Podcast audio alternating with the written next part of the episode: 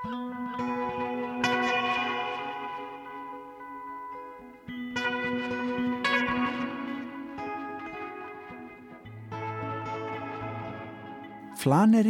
plöntutíð og stjórnsýsla lista og menningar.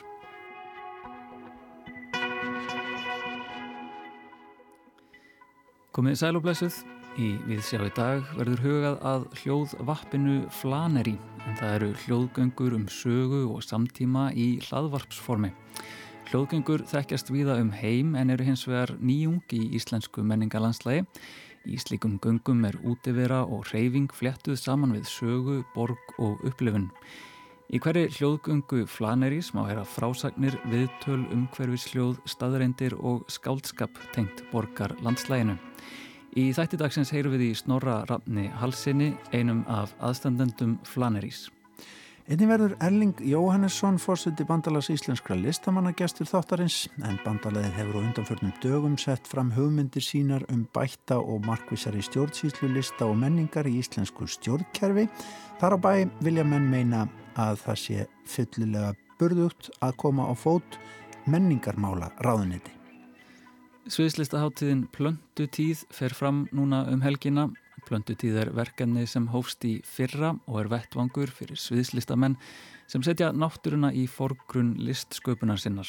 Á plöndutíði ár verður bóðið upp á ímsa viðburði sem hafa plöndur að leiðaljósi eins og plöndu leikús, skoðunarferð á kleifarvatt, plöndu dans og hljóðgönguna brum. Andrea Elín Viljámsdóttir, listræn stjórnandi og stopnandi plöndutíðar kíkir við í þætti dagsins og segir okkur frá hátíðinni. En við byrjum við sjádagsins á Flaneri og það í Kópavói.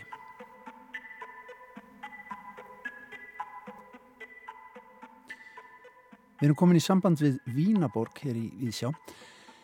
Þar er Snorri Raffn Hallsson búsettur þessi dærin. Hann er eh, dasgrágerðamadur með lannas, hefur verið með þætti hér á Ráseitt. Forvittnilega í gegnum tíðina en hann er einn tveggja aðila sem að standa, já reynda fleiri aðila sem að standa að fyrirbæri sem heitir Flaneri. Það er vefsíðan flaneri.is, þar er bóðið upp á, já, personulegar hljóðvappgöngur. Ef ekki bara byrja á hugtakinu, snorri, sko, hvað er hljóðvapp? Hljóðvarp, já, þetta er í rauninni, reyndum að setja saman orðið sko hljóðvarp, sem er náttúrulega yfir hlaðvarp og útvarp og svona við það að ganga, að vappa um og hugmyndin er svo, þetta eru hljóðgöngur en að því að hérna, oft eru það svona skipulæðir viðbyrðir, þess að fólk þarf að mæta ákveðnum tíma og svona en, en með því að setja þetta inn í hlaðvarpsformið þá er hægt að fara hvena sem er. Þannig að þú færð bara með síman og hernatól og, og ferði í gönguna þegar þér listir Sko, það eru komnar hjá ykkur inn á F-síðunni og ég veit að það er líka þá í náanlegt með Spotify til dæmis eða hljóðvarpsforritum. Uh, mm -hmm. þrjárgöngur flanir í kóp heitaðar allar. Þið eruð í kópavunum, af hverju er það? Uh, við sagt, hérna, sótum um styrk og fengum styrk hjá uh, lista og menningaráði Kópavóks til að framleiða fjórargöngur þar við erum núna þrjár komnar út og svo kemur núna með höstinu fyrsta gangan út á pólsku líka. Þannig að eh, eins og er erum við í Kópavægi en við sjáum alveg fyrir okkur að fara á fleiri staði Áðurna lengri haldið, ef við ekki bara fá smá brot að þessu, viltu velja fyrir mig eina, eins og eina sviðsetningu Snorri? Já, er ekki bara fint að byrja á hérna inganginum að nýjustu göngunni um Hamraborgina fólk fá smá tilfinningu fyrir hvernig er að leggja af stað Ertu tilbúin að fara á flaneri? Ertu hérna í kópvóinum og ætlar að hætta þér í Hamraborgina með okkur? Eða ertu kannski bara heima upp í sófa og ferð þetta í huganum? Við hefjum ferðalagið hér við hér að skjala samt Kópavóks, gamla pósthúsið á Dýranes vegi 7. Þetta flaneri verður örlítið öðruvísi. Við ætlum að þvælast um. Við leiðbennum þér á og af ákveðnum stöðum og svo flanar þú um að vild. Serðu skiltin hérna? vegvísinn og manneskuna sem að leiðir barnið. Við ætlum niður tröppurnar á milli og ofan í undirgöngin.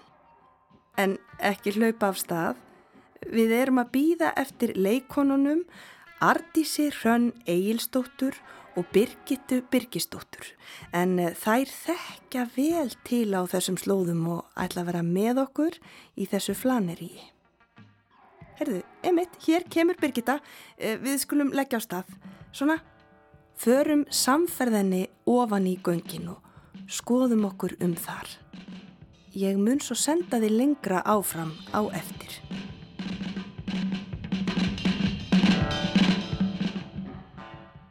Nú hef ég ekki komið í þessu undirgöng, já, þú veist, 30 ára eða eitthvað. Man það var alltaf ógæðislega mikil pissulegt inn með þeim. Alveg bara svona sjúglega vond og sterk pissulegt.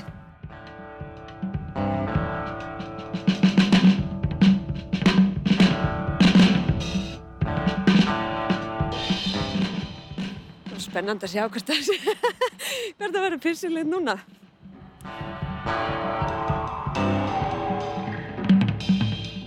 Herðu, vá, ok, þau eru svona stutt. Já. Mitt, ok. Þetta er næstuði bara eins og svona minnisvarði. Raskat, tel, 5, 8, 2, 2, 3, 4, 5. Já, sumt breytist ekki. Já, þið, maður heyri það snorri þarna í þessu broti að þið eru svona að já, vinna með minningar ykkar viðmælanda og þið fáið fólk til þess að rifja upp já, eigin reynslu af borgar eða bæjar landslæðinu þannig í Kópói, ekki satt? Jú, það passar. Í þessari nýjastu göngu fengum við Artísir Hrönn Egilstóttur og Birgitur Birgistóttur leikonur til að fara með okkur um Hamraborgina og sína okkur bæði ljótur hliðarnar og þær, og þær fögru. Þetta verður að blanda saman. Já, það gerir það. Það er það sem er svo áhugavert uh, finnst mér í þessu er að við erum að reyna að fá upp einhverja svona aðra sín á umhverfið á þetta, þessi svæði, þessa staði sem maður fer bara framhjá og ég held að þess vegna sé svo áhugavert að byrja þannig í Kópavænum, gangunar meðast sko, eru mikið þannig í Hamraborginu og einir út á Karsnesi maður á eiginlega aldrei leið þangað, sérstaklega en fer bara framhjá þannig að, hérna, að, að fara inn með einhverjum sem að hefur dvalið þarna í einhver tíma þá sér maður þetta alltaf öðruvísi og átta sig á því að, að hérna, þessi staðir hafa merkingu fyrir fólk og hún getur verið alls konar. Ef þú varir fuggl og flýir yfir Kópavóskirkju og horfið beint niður á hana eða væri með dróna. Ok, og horfið niður á hana þá er þetta kross, jafnarvan kross.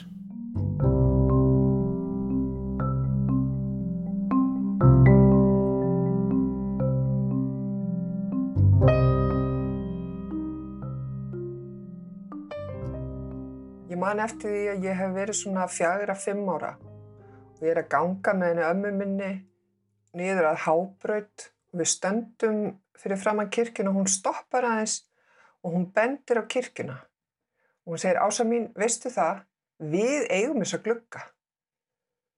Ég leiti upp á kirkjuna og sá gluggana sem ég fannst ótrúlega fallegir og ég man eftir því að í hjartanu var ég svo stolt og ánað yfir því að ég og amma ættum saman þessa glugga. Man sér það hérna á, á vefsíðinu hjá okkur að þið eruð, já, þú og Aðalbjörg Átnardóttir, hún er sviðslistakona, svo eruð með grafískan hönnuð og, og, og nefnda í, í hérna hænýtri menningamöðlun. Þeir eru líka með sjúkraþjálfara með okkur í, í, í hérna í hópnum. Þetta er, já, svona teimi. Segð okkur hans frá bara hvernig svona verður til. Já, við kynntumst í uh, hænitri menningamilun. Ég man, ég held að þetta hafi verið bara fyrsti tímin í náminu. Og við erum í tíma hjá sumarlega Ísleifs og það hefur verið að skipta okkur upp í hópa. Og þær sitja þarna fyrir fram að mig, þessar frábæri konur í hópnum. Og þær eru svo hressar og þær eru allar að spjalla það svo gaman hjá þeim að, að ég tróð mér inn í hóp með þeim. Og hérna svo vorum við í nýsköpunar áfanga í náminu.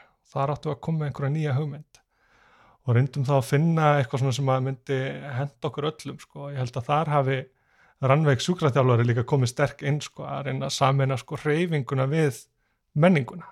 Og þarna er til grundvallar er það ekki, já þetta franska gamla hugtak, flanör, að hérna ganga um borgar umhverfið og kannski týna sér um stund þá farir hugmyndirnar af stað og hugsanirnar, ekki satt?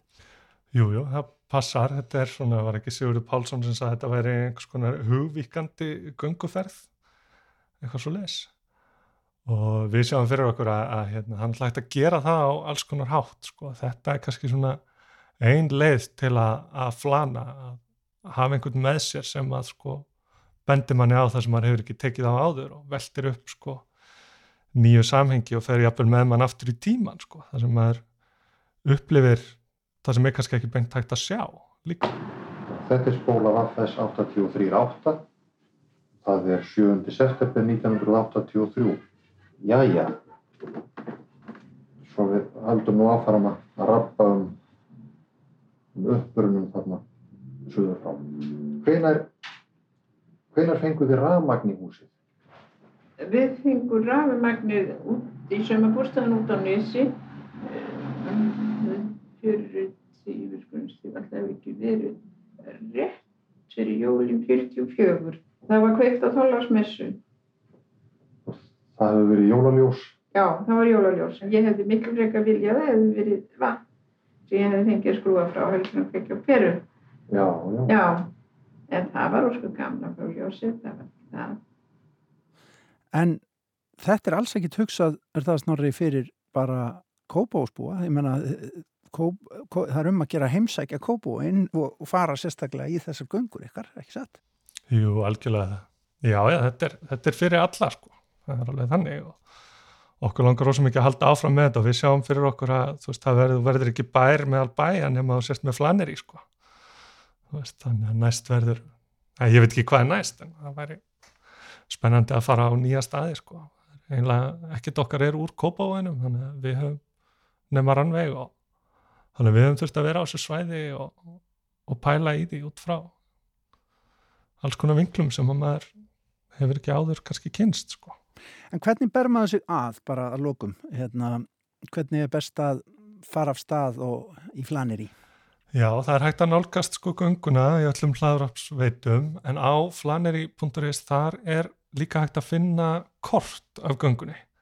Það sem að hérna, uppafspunkturinn er, er mertur og svo bara setjum maður á sig hernetöl, ítir á play og fer að stað og við leipinum uh, hlustendum á gungunni bara uh, meðan þú hlustar. Þá segir við farðið við hingað, farðið þangað, nú skaldu halda á stað og stoppa það eins hér.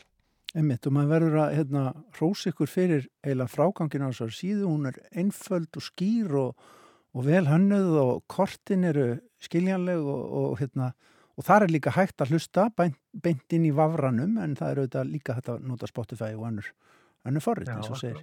Já, já, það hafa sumur verið að hlusta og fara þetta bara í huganum sko, en ég mælu nú með því að fara á staðin. En við bendum á þetta, Flaneri í Kópavogi, þrjár gungur sem hættir að kynna sér, farin á flaneri.is og lesum þetta allt saman og um ykkur í hópnum eh, því eru fjögur, það er Adalbjörg Átnadóttir, Elisabeth Jónsdóttir, Rannveig Bjarnadóttir og síðan Snorri Rapp Hallsson. Þakka þér kjallega fyrir spjallið og byrðum að helsa út til Vínaborgar. Já, takk fyrir og sumulegis, ég byrði að helsa Reykjavík maður er svo vulnerable, maður er að reyna að vera ógstilega töff og maður er að reyna að vera með einhverja brinni og vera eitthvað cool með svarta maralit og svart í kringum augum og hlýparða gammonsíum og, og einhverjum hermanniakum en þú veist, það er bara einhvern veginn rosalega lítið linni sér. Ég, Já, þetta er einhvern veginn, ég hugsaði svo mikið hinga það var rosa mikið einhvern veginn uppspretta. Hver maður er þegar maður er unglingur og hvernig maður verður, hvaða líf maður á, hvaða leið maður velur og hvernig sumir eru hefnar en aðrir og fá, þú veist, það er eitthvað sem fer út á spórinu þarna og það getur haft áhrif allæfi og getum allir verið lettar eitthvað einn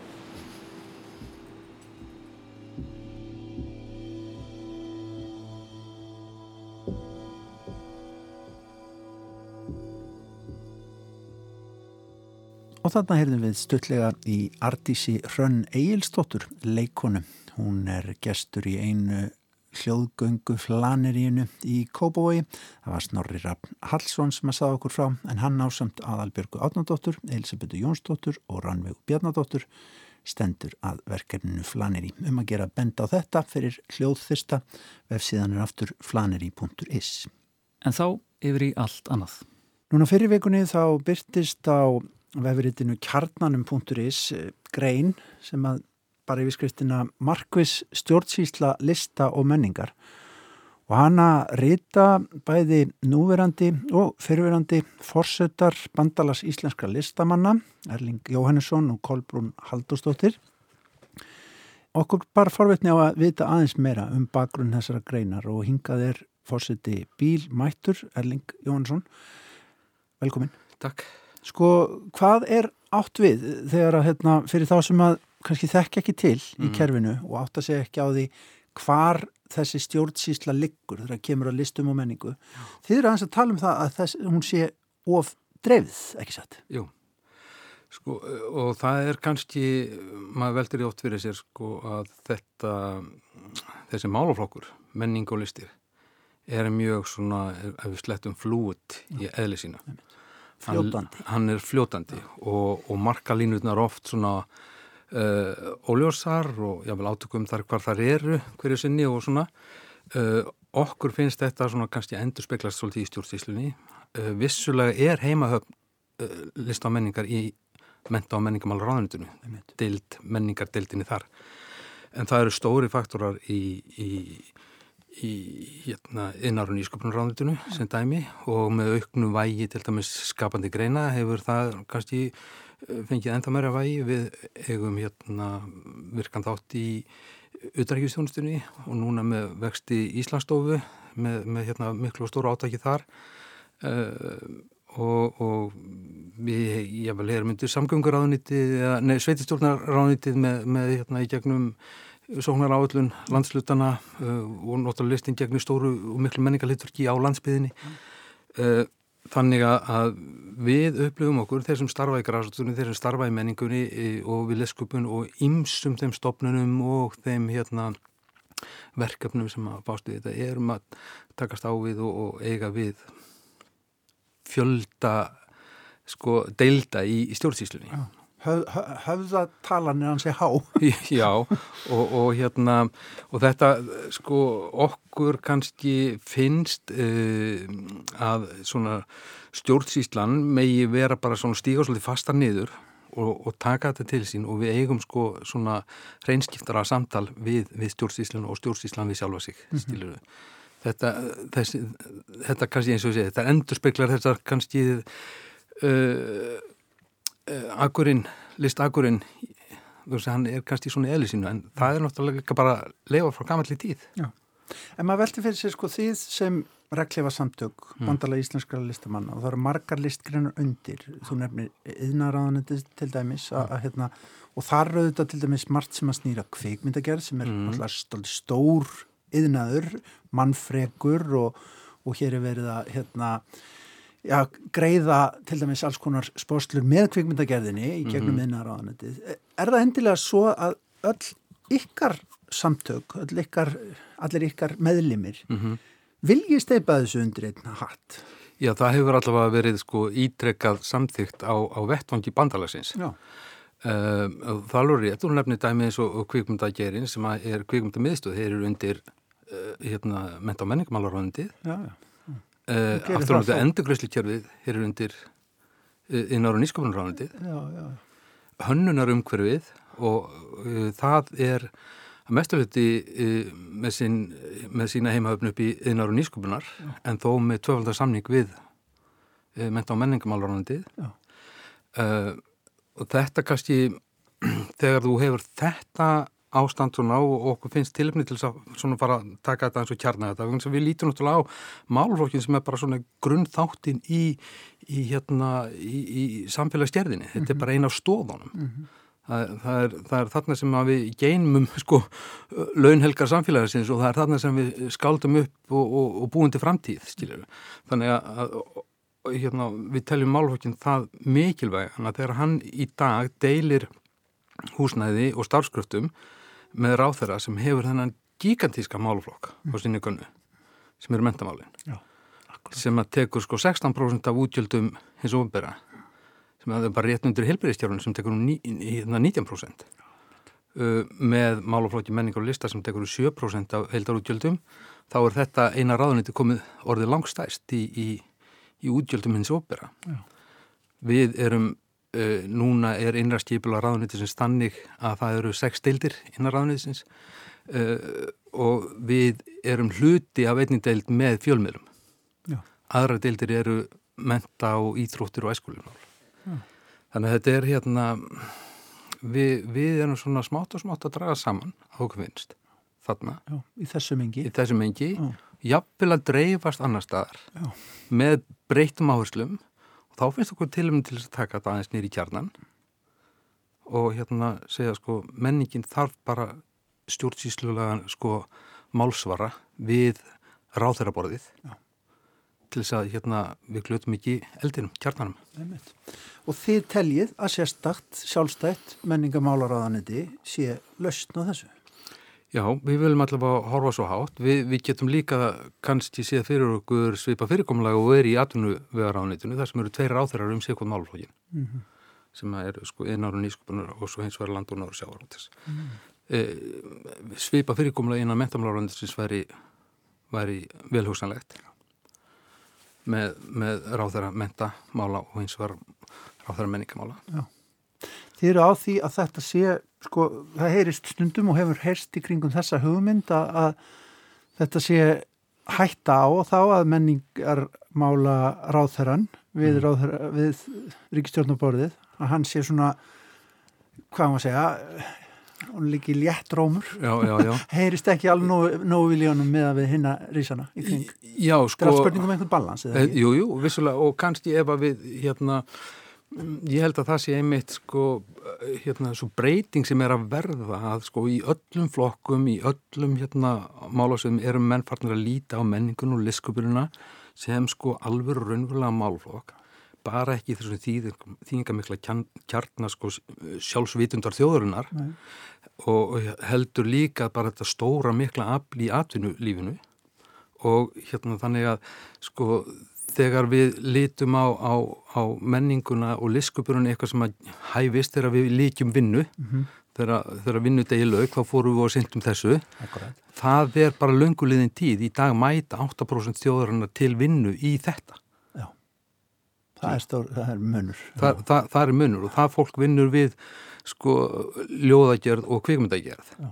Það fólk vinnur við hönnun það fólk vinnur sko í markastengdu umhverfi, það vinnur í kjarna, það vinnur í mentun stílur það vinnur mjög víða, þannig að þetta er stór atvinnugrein með öllum blæbreyðum sko heilst eftir at, atvinnugreinar með rannsóknum og framleiðinni og, og mentun og öllu saman.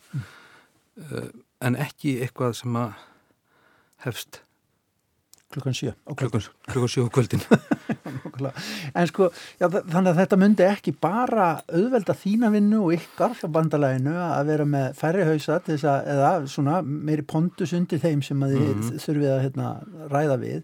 Heldur þið horfið á þetta sem sóknafæri fyrir listur og menningu í landinu í atvinnulegu tilliti mm -hmm. og auðvitað bara á þennan dýpri máta, menningar, uh, mannræktar máta. Já, vissulega. Og ég held að sko við erum bara að fara að horfa á breyta heimismynd við erum að fara að horfa á sko heimsmynd það sem við þurfum að sko byggja okkar framtíðar hægtkjörfi á auðlind sem að byggja á hugmyndaheimi.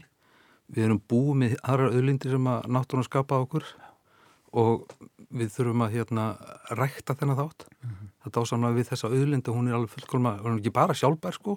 Hún vextir, vexir réttu hlutsallu við þá rækt sem við lögum við hana.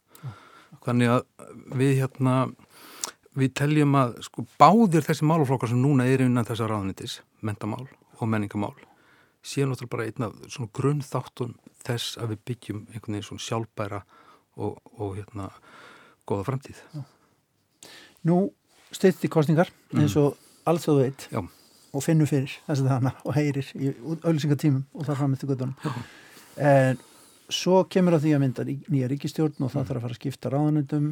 Heldur að þetta nái hljómgrunni hjá, hjá svona þeim sem að munu taka það að sér líklega, já, Já. sem við veitum svona sem ekki dum, sko ekki að fara einu. Já, já, við, við höfum sko rætt þetta við, við fulltrúa stjórnmálflokkana og það er náttúrulega sumum finnst þetta framandi, öðrum finnst þetta sjálfsagt og svo allt ára á milli. Uh, ég, ég held að uh, það er náttúrulega bara hefð fyrir því að þegar að menn setjast niður og ræða skiptingu ráðunita að þá hafa menn fært til ráðuniti og, og, og aðlagaðu nýjum tímum, við sjáum bara að við tölum aðtunum nýsköpunar eða aðtunum vega ráðunitin, uh, það leiti ekki svona út sko fyrir tíu árum. Nei. Uh, þá vorum við alveg klár sjávorútusráðuniti og landbúnaðaráðuniti og síðan heimurinn lítur bara ekki þannig út í dag.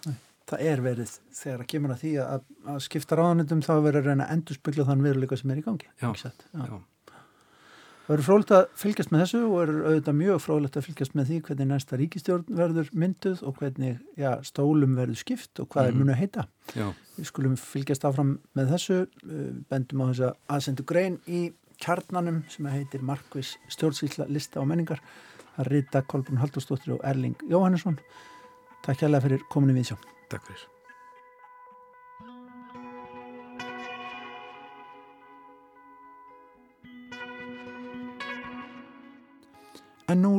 Umræðu um stjórnsýslu lista og menningar þá förum við yfir í plöndur, ekki satt, Tómas? Vissulega upp er raunin plöndutíð og við hér í viðsjá ætlum að gefa plöndunum orðið.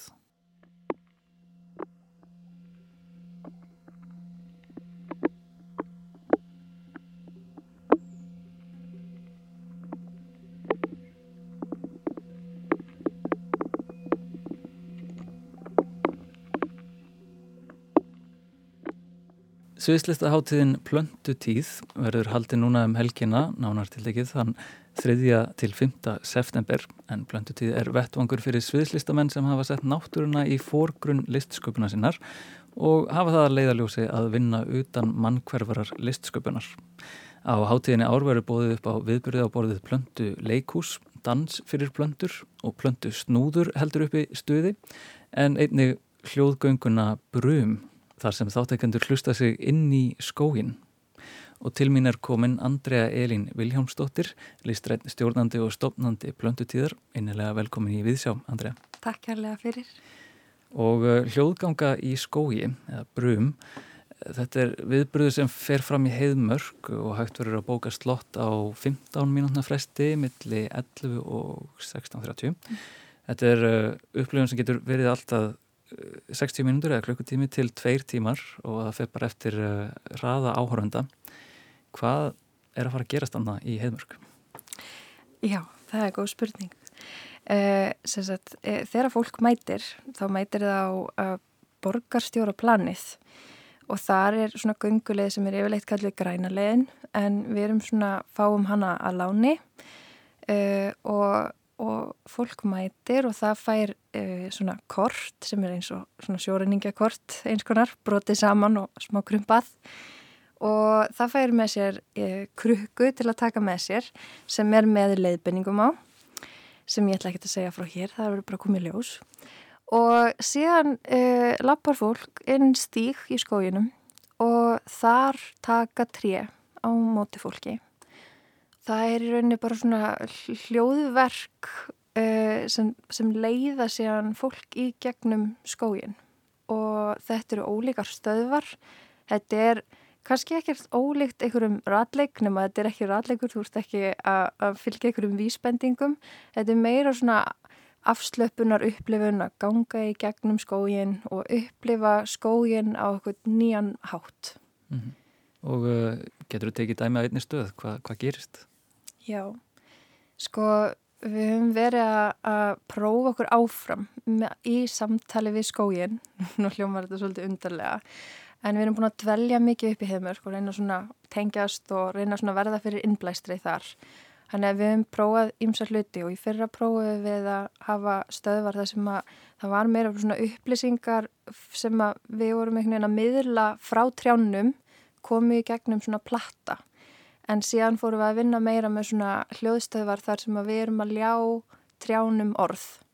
Þannig að á sömum stöðunum er tríð að tala til þín en á öðrum er það meira bara einhvers svona hljóðheimur sem að Ragnir Arla Björnstóttir tónsmiður hefur skapað og unnið sem er algjörlega innblásið af því að vera í að vinna og hlusta á hljóðin í heimörk. Þannig að hún er svona að nota hljóðvistina í skóginum sem innblástur fyrir tónsmiðar. Og síðan er hljóðverk þar sem að er bókstaflega búið að setja svona kontaktmæk eða, eða snerti mæk á tré og taka upp hljóðin sem koma við að reyna að nema hvað er í bólnum. Þetta er náttúrulega hljóðin sem er aðeins utan á, á berkinum en líka svona ákveðin hljóð brakubrestir sem berast innan úr viðnum, innan úr tré stopninum, mm. stopnandanum og, og það er... Hvers konar, hvers konar hljóð er það? Getur þú líst þeim? Já, þau, það, fólk fær náttúrulega að heyra þau en þetta er eins og svona einhverjir brak og brestir og svona skrítin svona alls konar hljóð mm. og síðan vinnur Ragnar þessi hljóð og hún svona aðeins leikur sér með hljóðin veist, þannig að þau eru svona samblanda af öll þessu reyna tæra hljóði sem kom úr kontaktmækonum og svo líka svona hljóð sem hún bætir inn í til að íta undir hljóðin sem að uh, kom úr upptökunum.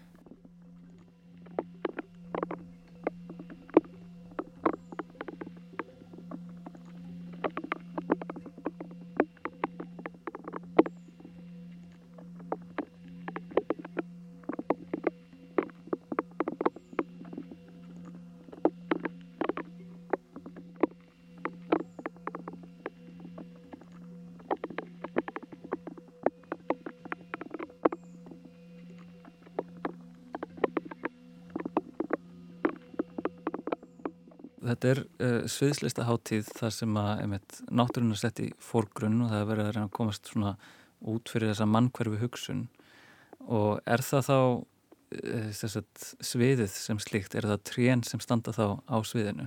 Já, þetta er, veist, þetta er svona leikúsi, við myndum að segja að uh, leikarin er að performera hlutverk og áhöröndin hann þarf að koma inn í salin og hann þarf að kaupa blekkinguna að Sigurbjartur eru að leika Rómjó eða eina ykkur mm -hmm. en í sömum náttúrulega sviðsetningum þá er ákveðin afhjúpun á því að áhöröndin veit að leikarin veit að við vitum að leikarin er bara að leika hlutverk og söm, sömur uppsetningar leika sér með þetta bara eins og í nýju líf, það er allir að leika buppa en uh, allir vita að þau eru bara að tólka buppa, þau eru ekki að reyna að vera eins og hann. Mm -hmm. og svo eru þau veist leikara sem eru að leika sjálfa sig. Fríkir Einarsson í Club Romantica nýjasta dæmi sem hefur dættur í hug. Mm -hmm. þar sem er leikari sem er að leika karakterinn sig. Ég, við, við vorum bara að hugsa þú veist hvað gerist ef að trí eru sett í þessar aðstæður? Þau eru einhvern veginn að performa sjálf sig. Eh, en auðvitað þarf að vera eitthvað svona það þarf að fá eitthvað leifi frá, þú veist, til þess að fjalla um sögur annara mm. og við getum ekki beint spurt trén, þannig að við svona reynum að gera þetta á eins svona næman og af mikill virðingu og við getum gagvart skóinum og trjánum, þannig að það, þau verði aldrei fyrir neinum skada því að fólk komi og er að gera eitthvað upplifanir og fari gegnum eitthvað verk upp í heimörk. En, en hugmyndin er að, að bara að einblýna á það að trén eru, eru aðaleikarin mm. og þau eru þarna og sviðið er heiðmörk og þessi leið sem hefur verið valinn og hvað gerist í huga áhörfundans þegar hann mætir þarna uppið og fer að hugsa um trén sem flytjandur verks. Ja. Það verður til eitthvað svona, eitthvað ný hugsun. Já. Mm -hmm. Og uh, já, og svona hafið þið eitthvað svona ákveðna ætlun fyrir áhorfandan eða þáttakandan í þessari gungu svona, hafið þið svona hugsaðu ykkur hýði mögulega veganesti sem hann tekur út úr þessari gungu? Já, sko von okkar er að og kannski uh, svona útskýra það að þegar við vorum að vinna verkið þá förum við á rannsóknarvinnu sem að fólst í því að, kynast skóginum, fara í vettváksferðir með skófræðingi og kynna okkur rannsóknir annara á skógum. Og þá fundum við rannsóknir sem að kallast eh, eða hafi verið teitlað undir svona uh, The Mother Tree Project sem er eftir konu sem heitir Susan og er breskur skófræðingur. Þar sem að hún hefur verið að rannsaka hvernig og hvort tré sagt, tali saman eða þú veist, hún var að reyna að átta sig á að, að það er sveppagróður í uh, jarðveginum sem er bara mæsíljum og svona svepparóta kerfi sem er einhvern veginn eins og eitthvað net á milli trjáróta og hjálpar þeim að senda upplýsingar og jáfnvel næringarefni, sigrur og ef það er einhver hætt á ferð eða eitthvað svona, alls konar bara upplýsingar sem þau tríu senda á milli sín og hún talar um svona höfntrí og móðurtríð og hún er eiginlega fyrst svona af, á skófræðingum og rannsakundum sem eru að skoða náttúrulífið til þess að tala um einhvern veginn tré sem móðir eða fjölskylda, einhvern veginn nota þessi orð yfir svona vísindarleg hugtök. Þannig að hún notar þetta orð móðir til að reyna að hjálpa fólki að tengja og skilja hvernig þessi hlutir virka. Og það var svona innblástur okkar inn í svona, þessi tengsl, bara hva, hver eru tengsl trjáa og hver eru tengsl trjáa við okkur manneskjurnar og okkar manneskjuna við tré? Og hvernig hefur við lifað saman í einhverju samlífi? Manneskjur og tré hafa átt í einhverju ótrúlegu samlífi gegnum aldirnar. Bara ef maður hugsa um bara þú veist að smíða báta og allar pælingar og hvernig það verður til í, í forneskjunni og þakk yfir höfuðið og það eru bara svo ótrúlega margar og magnar tengingar á millokkar og, og tilfinningarlega legar líka. Í rannsóknarferlinu á söfnu við líka sögum frá fólki uh, að upplifum þeirra eða sögur þeirra af trjám sem voru oft mjög tilfinningarlegar, til dæmis bara fellatrí, garði, valdið bara sorg og, og, þetta er svolítið svona veganisti sem við hefum verið að vinna með og við vonum eiginlega bara að fólk fari í skógin og upplifi hefðmörk á okkur nýjan hátt og upplifi bara eitthvað svona nýjar tengingar og ný tengsl sem getur verið hvernig sem er fyrir hvern og einn. Það er ekki okkar að ákveða. En vonin er bara einhvern veginn að, já, að verði sterk tengslamyndun. Algjörlega. Og, og jáfnvel líka tengslamyndum trjáa við, við menn.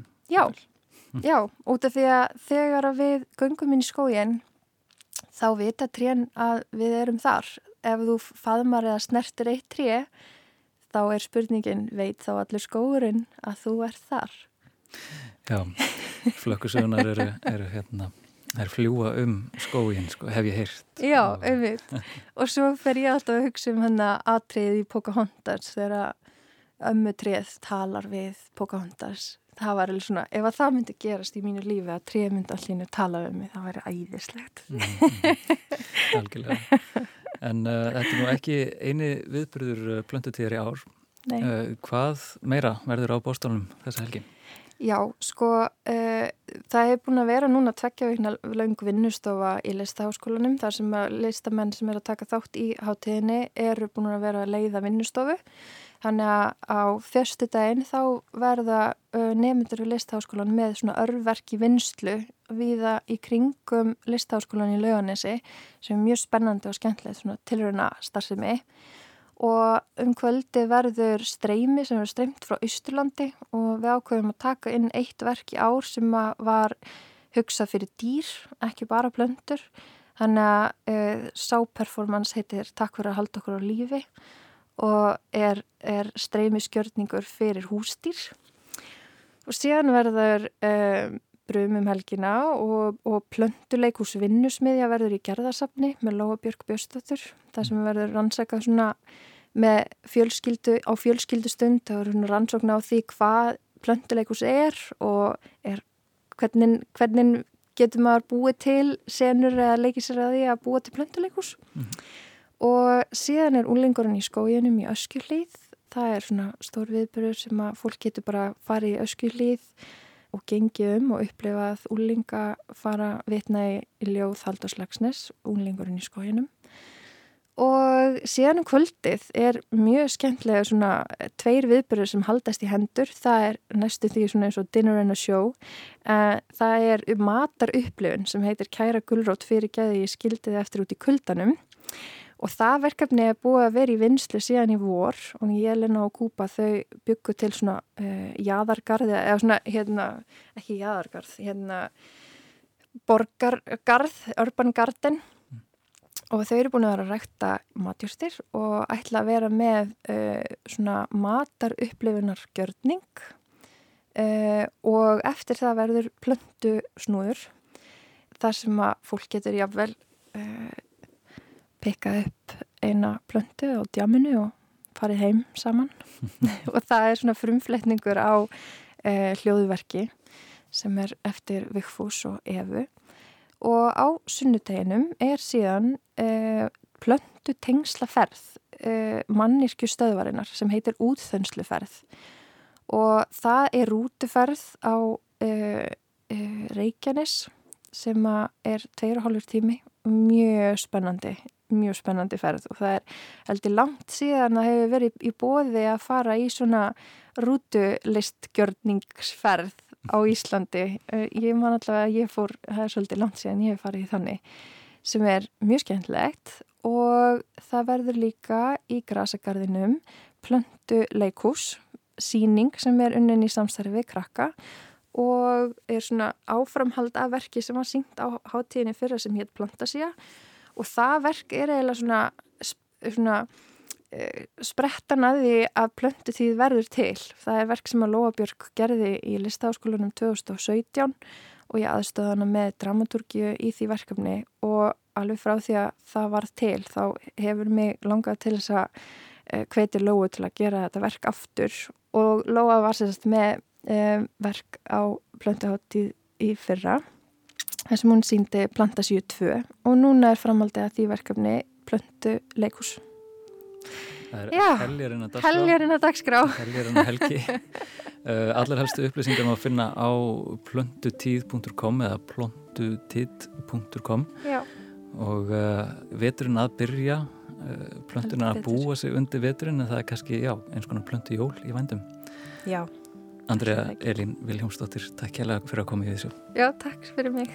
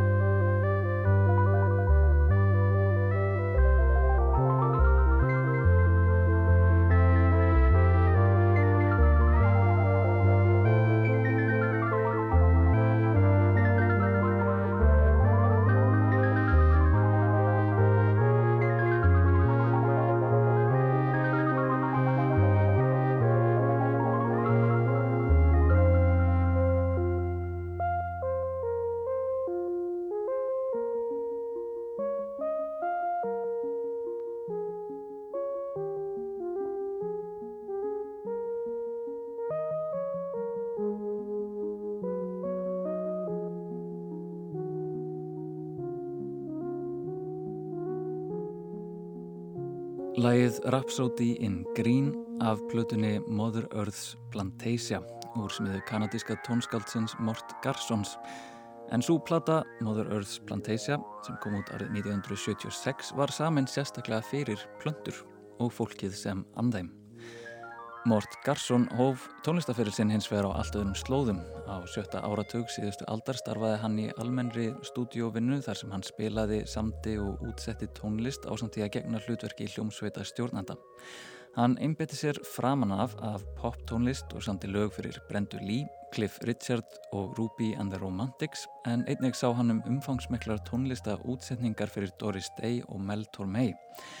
Það var síðan ákveðin umpólun á ferli Garsons um miðjan sjönda áratugin þegar hann kynntist tónlistaverkfræðingnum Robert Moog og eignaðist eintak af uppfinningu hans Moog svundu þeisaranum en það hljóðfæri er stundum kallað hljóðgerfill.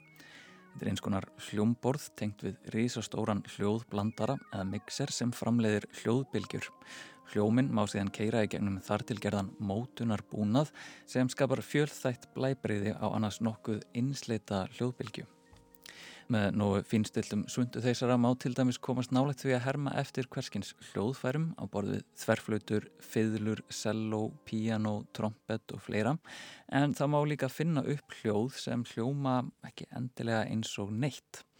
Og það var það sem heitlaði Mort Garsson á sínum tíma, möguleikin á að skapa ný hljóð, ný hljóðfæri og þar með nýja tegund tónlistar.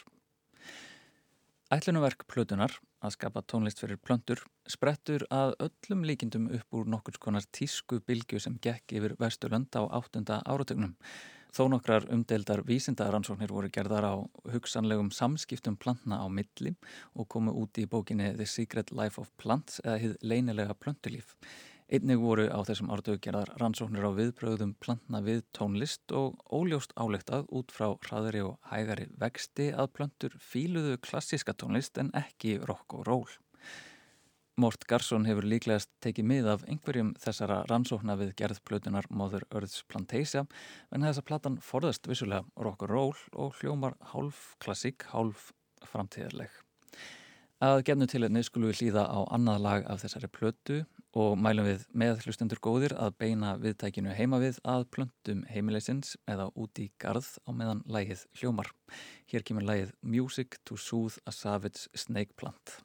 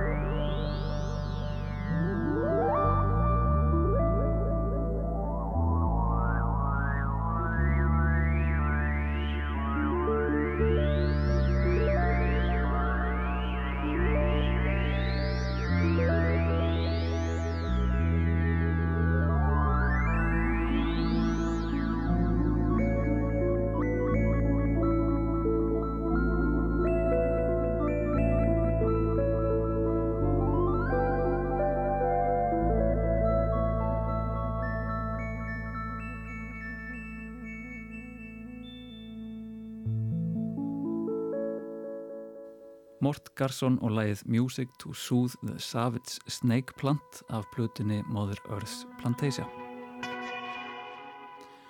Og við sjá í dag ljúkum við á umræðu um plöntur, lengri verið þáttur en ekki.